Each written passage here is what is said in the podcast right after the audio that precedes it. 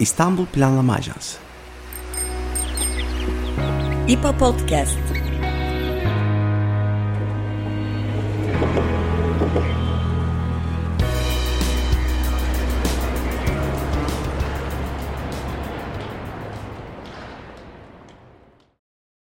Merhaba.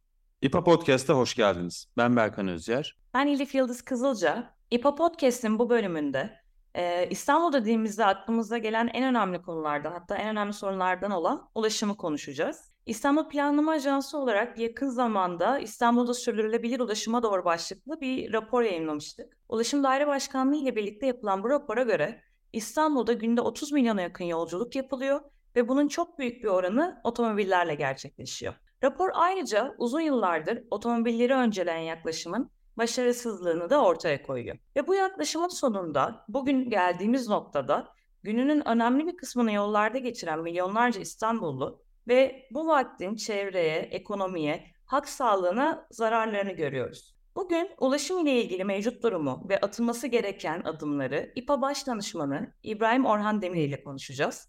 Ulaşım planlama projelerinde 40 yıldan fazla deneyime sahip, İstanbul başta olmak üzere Türkiye'nin birçok şehrinde şehir içi ulaşım sistemleri üzerine çeşitli fizibilite çalışmaları yapan Orhan Demir'e hoş geldin diyoruz. Buldum. İyi yayınlar diliyorum baştan.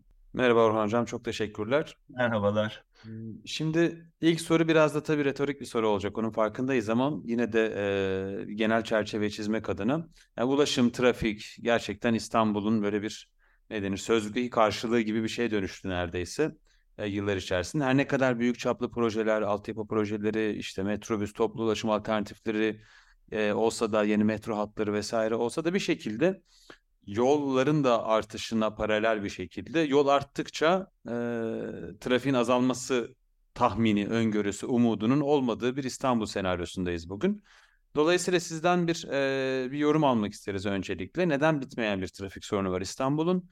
E, yapılanlar mı yetersiz yoksa e, yapılanlar mı doğru değil?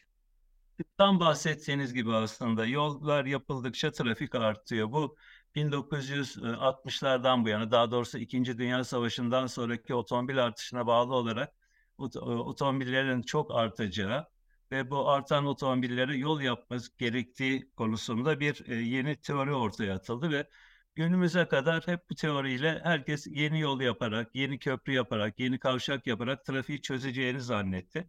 Çok bilinen bir e, deyim vardır. E, Amerikalı bir e, yazar hem de fütürist e, Glenn e, Hamstra'nın. E, der ki e, trafiği yol yaparak çözmek obez insanın kemerini gevşeterek e, tedavi olmasına benzer. Yani kemerinizi biraz gevşetirseniz rahatladım zannedersiniz ama daha çok yemeye başlarsınız. Bunun bir benzerini de aslında biz şeyler yaşamıştık. Böyle bir şehir plancı büyüğümüz, hocamız da bu durumu anlattığımızda aa demişti çocuklar siz e, susayınca turşu suyu içmek gibi bir şeyi tarif ediyorsunuz demişti. Hakikaten tam da o. Yani e, yol yaparak, kavşak yaparak e, trafiği çözme anlayışı aslında bizi bugünlere getirdi.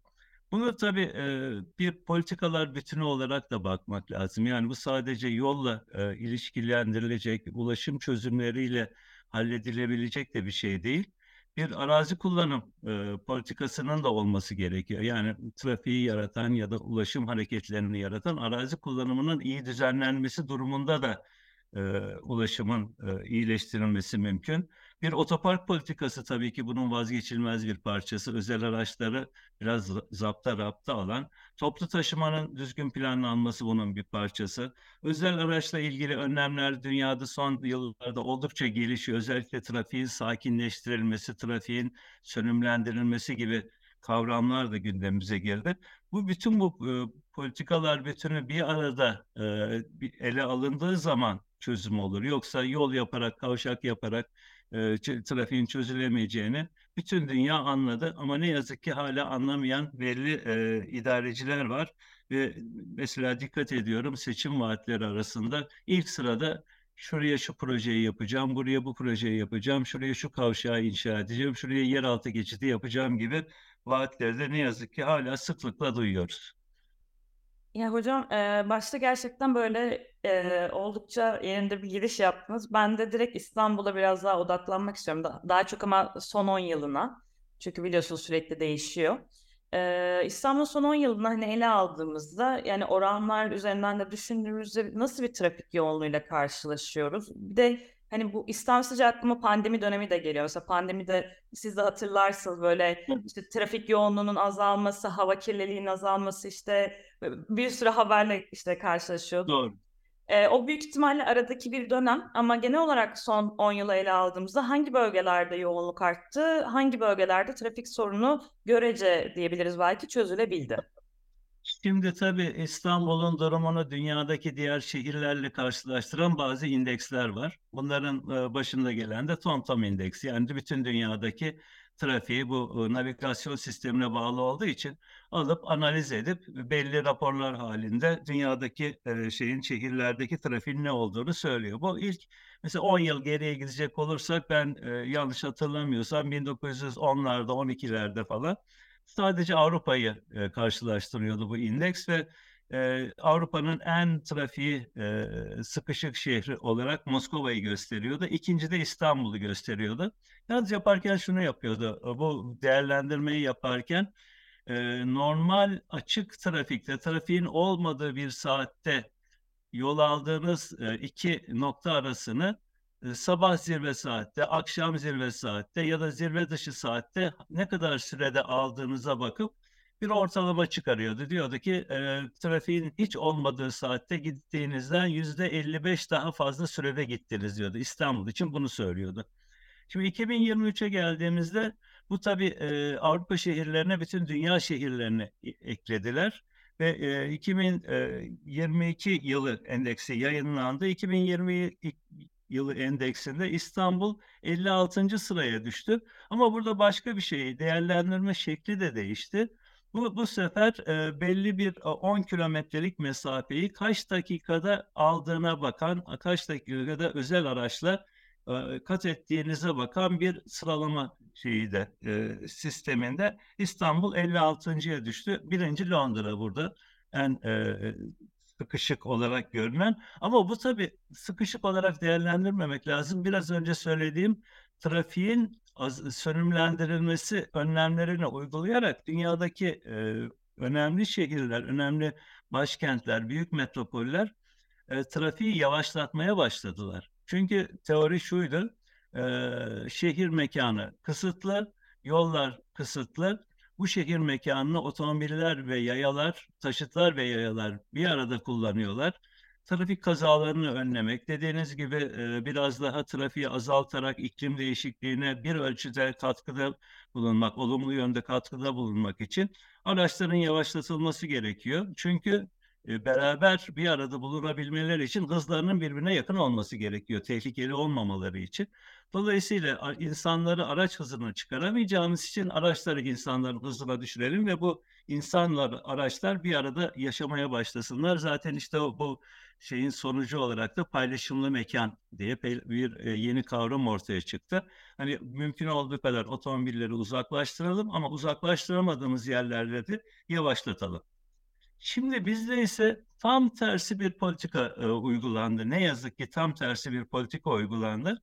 Ben hatırlıyorum hatta ilk işe başladığımda çalıştığım projede 1980 yılındaki İstanbul'un metropoliten alan nazım planı. Yani İstanbul metropoliten alanının büyük ölçekli ilk nazım planında e, İstanbul'un iki e, Marmara Denizi'nin iki kıyısında yani doğu ve batı kıyısında lineer şekilde kıyıya paralel olarak gelişmesi öngörülmüştü ki kuzeydeki ormanlar e, korunsun, kuzeydeki İstanbul'un nefes aldığı yeşil alanlar İstanbul'a e, hala nefes verdirmeye devam etsin diye öyle planlanmış. Ondan sonra çeşitli şeyler yine bir böyle 50 bin ölçekli e, plan e, 1995 yılında yapıldı. Felsefe aynıydı.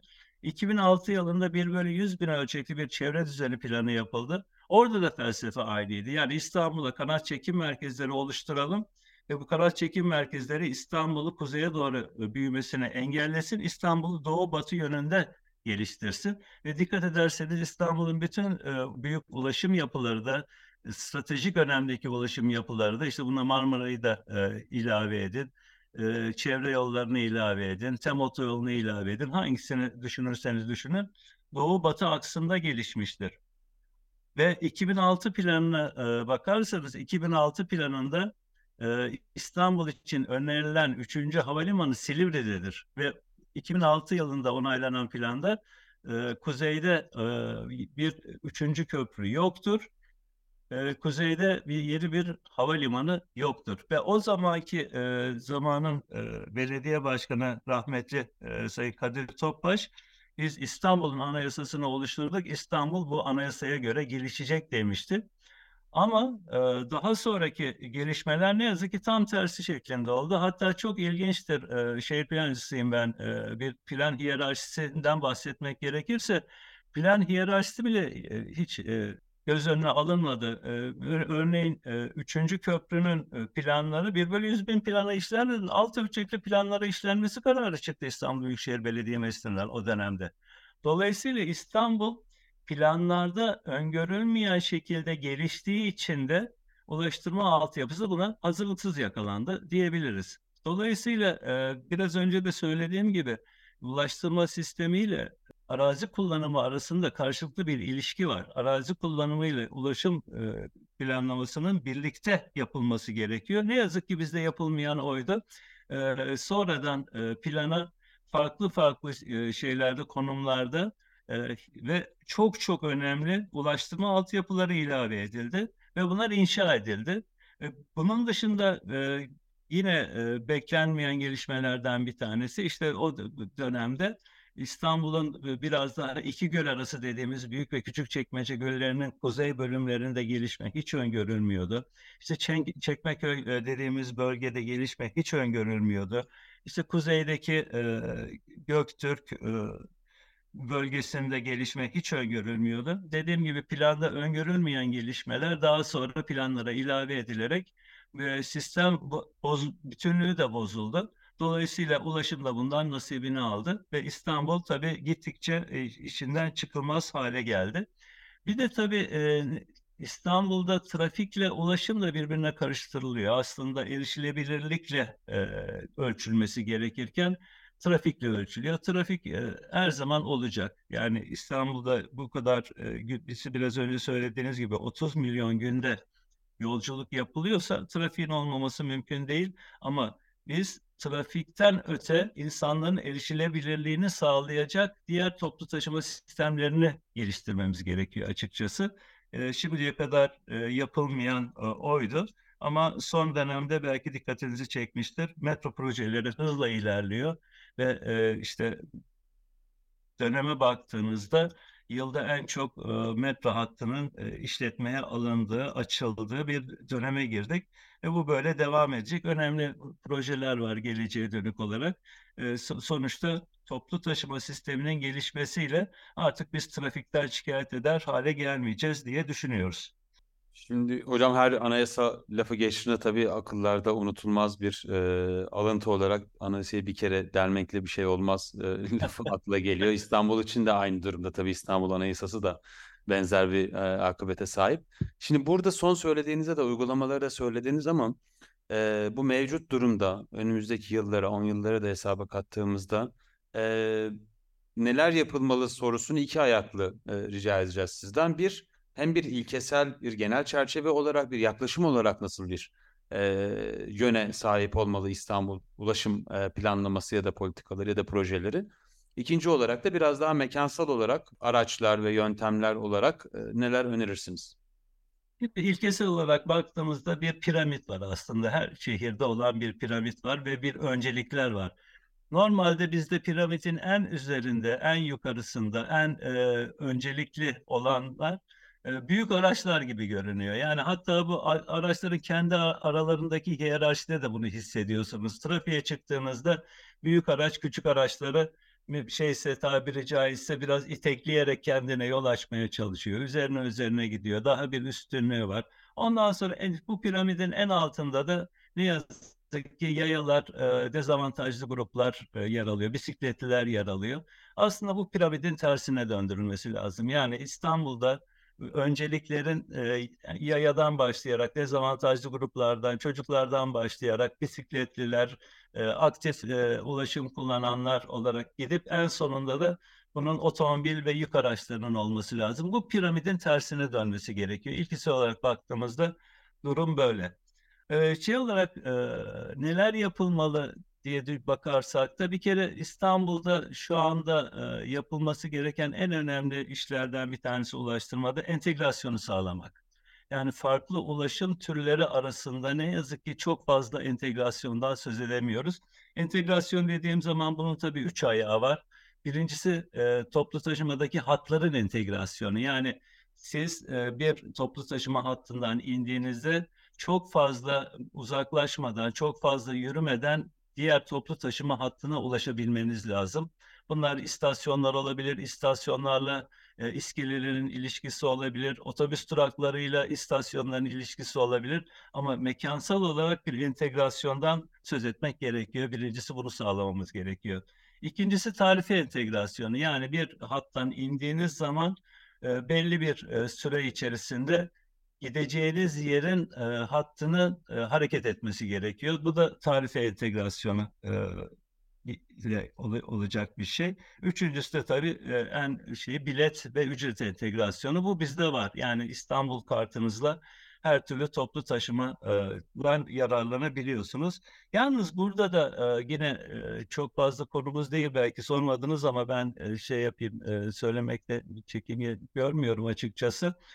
Toplu ulaşımın da ödenebilir olması gerekiyor açıkçası. Yani şey, mesela ben de hala 65 yaşının üzerindeyim ama işte yalısı olan 65 yaşının üzerindekiler toplu taşımada ücretsiz seyahat ederken asgari ücretlinin bilet tam bilet basarak yolculuk yapması açıkçası hani bu toplu taşımanın adalet tarafını biraz bana göre e, örseleyen hususlardan bir tanesi. Yani bu ücret ödeme sisteminin de adil olarak dağıtılması gerekiyor. E, ödenebilir bir e, toplu taşıma sisteminin olması gerekiyor. Ulaşımda tabii bu ile yaptığınız zaman ulaşımda geçen zamanı azaltmaya yönelik şeyler bunlar.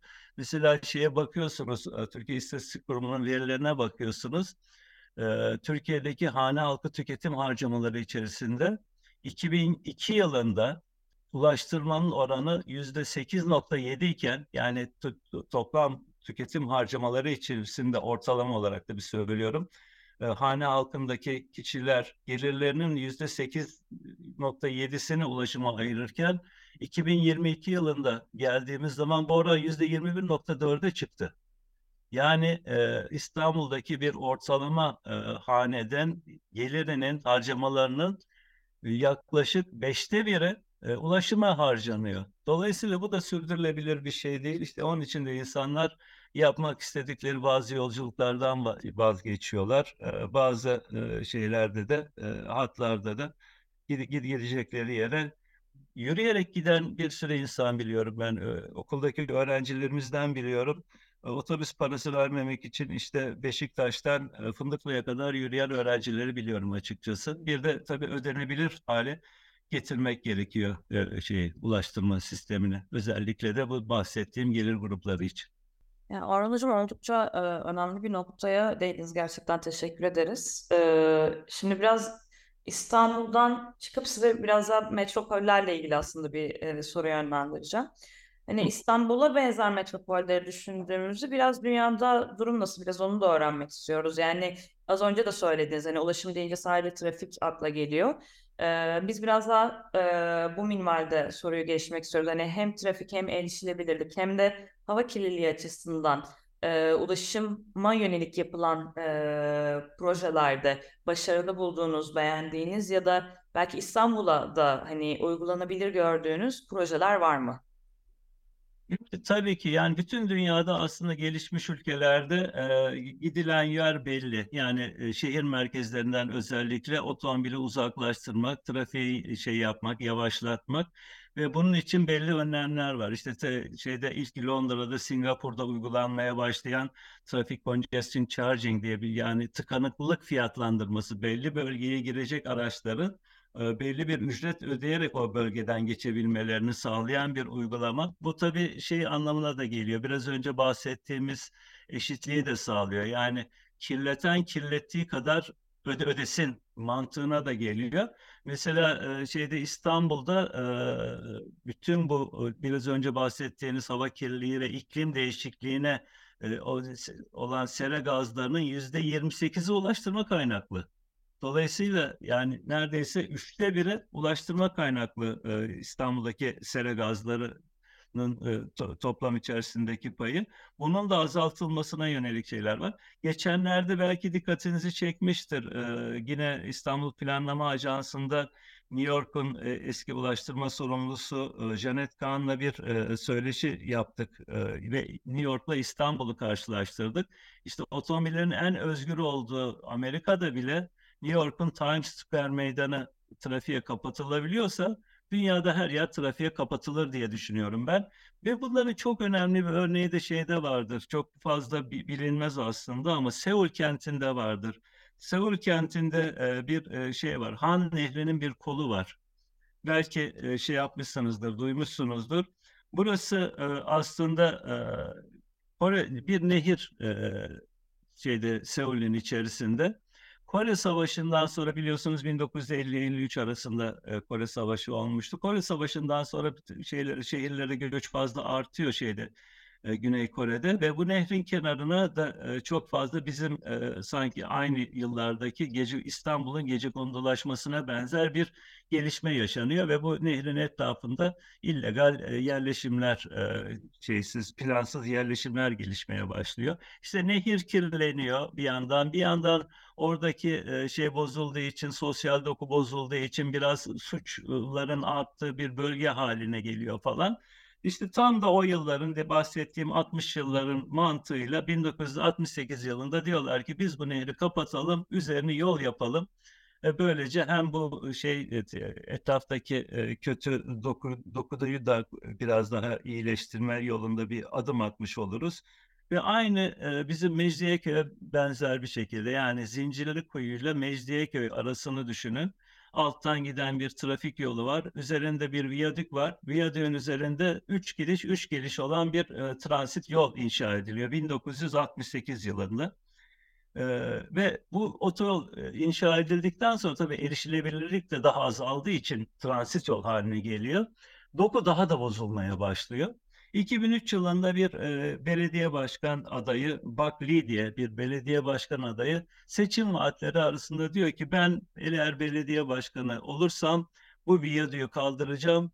Bu yolu da oradan kaldırıp nehri tekrar eski haline getireceğim diye bir vaatle yola çıkıyor ve seçimi kazanıyor. Bu seçimi kazandıktan sonra hakikaten düşünebiliyor musunuz? Bizim e, Mecidiyeköy'deki viyadüğün yıkıldığını düşünebiliyor musunuz? Altındaki yolun kazılıp oranın tekrar dere haline geldiğini düşünebiliyorsunuz. Yapıyor. Ee, tabii şeyler baş, hemen böyle çok çabuk olabilecek bir şey değil. Tabii derenin suyu olmadığı için yapılan metro kazılarından çıkan suyu oraya aktarıyorlar falan. Neyse orayı bir rekreatif, rekreatif dere kenarı haline dönüştürüyor. Yolları kaldırıp ve şu anda Seul'de en fazla kullanılan, en fazla turistlerin gidip görmek istediği yer, Seul halkının nefes aldığı yer haline geliyor. Dolayısıyla bizim biraz da bu yapılan kötü örneklerden artık korkmamamız lazım. Yapılan kötü örnekleri kaldırmaktan korkmamamız lazım. Nasıl ki biz ulaştırmada bir kışkırtılan trafik ya da yaratılan trafik dediğimiz bir şeyden kavramdan bahsediyorsak ki nedir bu? Yeni bir yol yaptığınız zaman oradaki e, o gelişen ulaşım olanakları nedeniyle orada daha önce olmayan trafik orada oluşmaya başlayıp orayı kalabalıklaştırıyorsa siz oradaki ulaştırma yapı, altyapısını kaldırdığınız zaman tabii ki her yerde değil gerekli yerlerde oradan geçmekte olan trafik de kendine başka yollar buluyor ya da gelmemeye başlıyor ve orayı biraz şeyden trafikten arındırmış oluyorsunuz. Dediğim gibi bunun tabii iklim e, değişikliğine de katkısı yüzde otuz oranında. Dolayısıyla e, bir yandan hani iyi bir şeyler yapalım tamam ama bir yandan da kötü örnekleri ortadan kaldırmaktan da korkmayalım açıkçası. Bunun örneklerini bütün dünyada görüyoruz. Hocam örnekleri. bu son verdiğiniz örnek beni iyice heyecanlandı. Çünkü benim kişisel olarak da çok e, hayalini kurduğum bir şey İstanbul özelinde. Ortaköy'de, e, Kasımpaşa'da ya da Kadıköy tarafındaki o üstü kapanmış yer altında kalan o derelerin yeniden üstünün açılıp biraz daha e, kentsel yaşamada e, kazandırılması. Bu konuda yani Hülya Dinç'in İstanbul'da dair çok iyi e, makalesi. Ankara Dereleri diye bir e, belgesel var zaten malum. Böyle, e, çok e, olursa heyecanlandıran bir e, düşünce gerçekten bu derelerin yeniden bir e, gündelik hayata kazandırılması.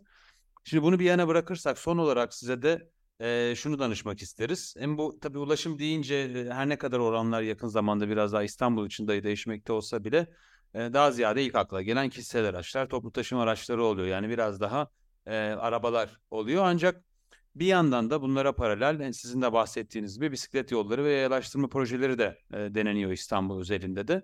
Bunların oynadığı rolü biraz daha açmanızı rica edeceğim e, sizden ve bunlarda hem başarılı ve başarısız örnekler de gördük gerçi İstanbul için.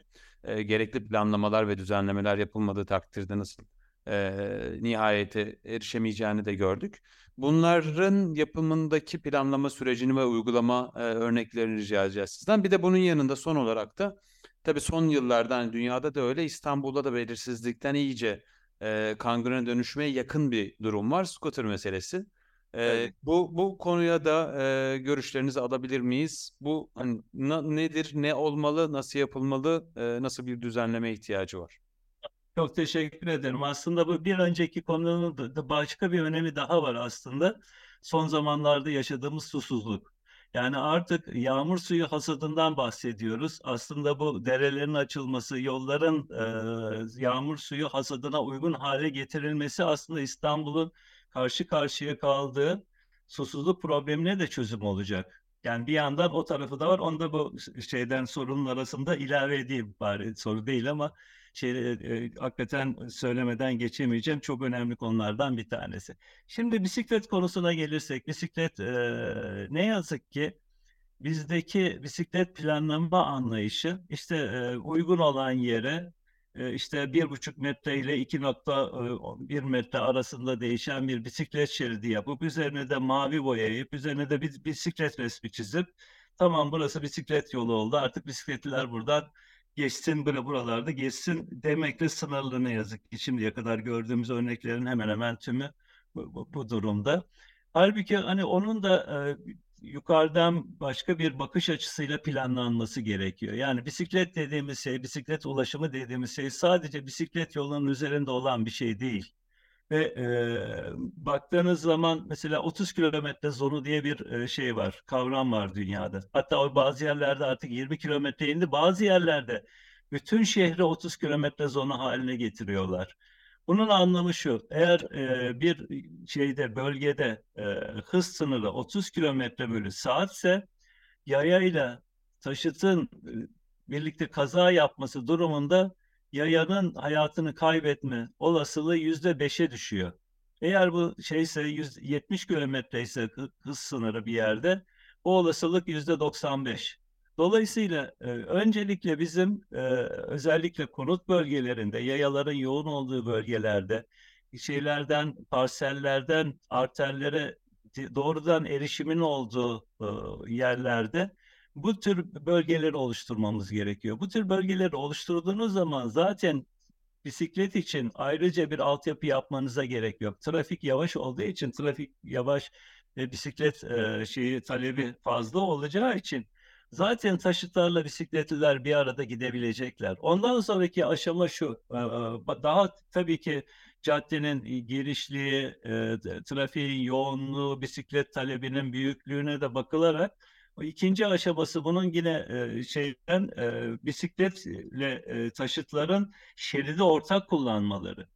Ondan sonra ayrılmış bisiklet şeritleri geliyor. Ondan sonra da fiziksel bariyerlerle ayrılmış şeyler, bisiklet şeritlerinin gelmesi gerekiyor. Dolayısıyla hani sadece her yere yolun kenarına mavi ya da yeşil bant çekip burası bisiklet yoludur demek yerine böyle bir kademelenmeyle gitmek lazım. O zaten bisiklet yoğunluğunu da e, şey yapacak, gösterecek ve, insanların bisiklet kullanmaya da teşvik edecek. Çok fazla şey de. İkinci yapılan hata bizde dediğim gibi bisiklet yolu yapıldığı zaman bu bisiklet yolunu kimlerin kullanacağına da çok fazla bakılmıyor ve ne yazık ki bisiklet yollarının bizim e, envantere bakarsanız önemli bir bölümü parkların içerisinde. Yani bisiklet bizde bir ulaşım aracı olarak değil, bir rekreasyon aracı olarak kullanılıyor. Rekreatif bir eğlence olarak kullanılıyor. İşte boğaz kenarında gezelim, deniz kıyısında gezelim, park içinde bisiklete binelim falan gibi. O, oysa olması gereken şey bisikletin gerçekten ulaşım aracı olarak kullanılması. Tabii ki bunu söylerken şeyi söylemiyorum. Bir zamanlar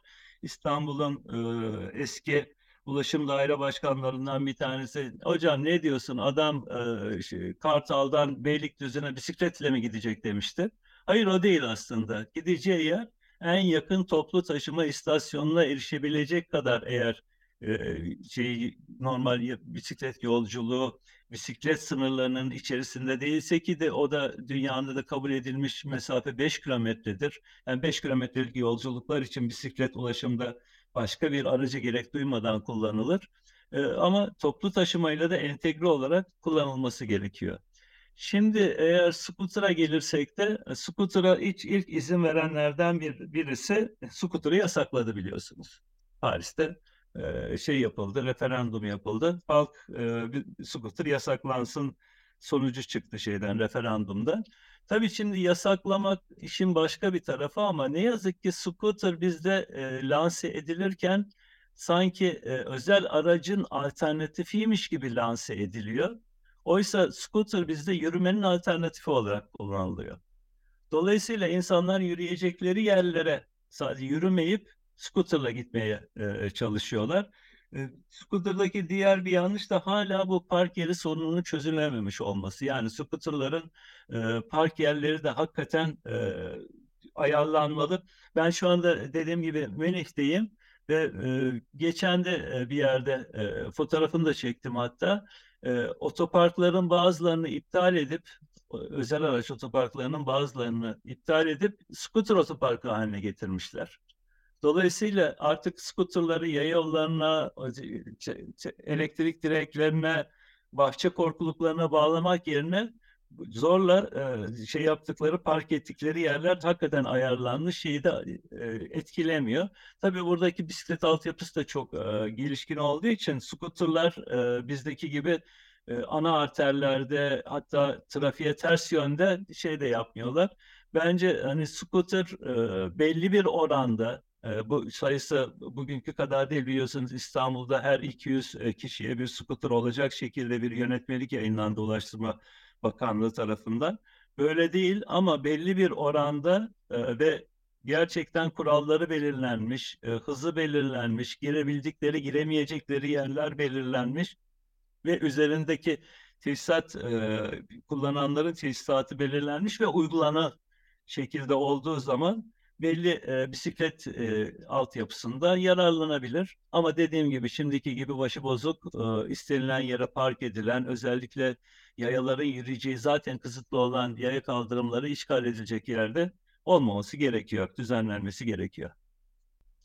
Hocam çok teşekkür ederiz. Bu bölümde yani gerçekten her bir İstanbullunun e, her gün istisnasız muhtemelen e, en az bir kere dile getirdiği bir konu olan e, trafik meselesini konuştuk. Farklı yönleriyle toplu taşıma, özel araçlar, e, altyapısı, planlama, geçmişe yönelik e, uygulamalardaki sorunlar, e, dünya örnekleri den e, bisiklete ve scooter'a kadar benim herhalde en e, altını çizmek isteyeceğim şey özellikle bu Seul'deki örneği de hatırlatarak kötü uygulamaların e, değiştirmekten çekinmemek, korkmamak konusunda biraz daha e, yeni projelerinde bu bakışla yani bozuk olanı düzeltmekten ziyade biraz daha böyle bir işte disruptive e, denen uygulamaları da e, alan açmamız gerektiğinin e, altını çizmek istedik ben de. Kesinlikle.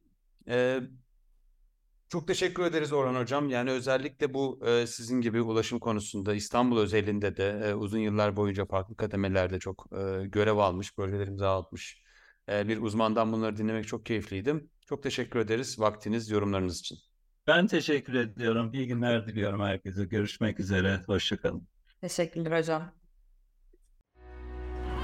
İstanbul Planlama Ajansı Podcast.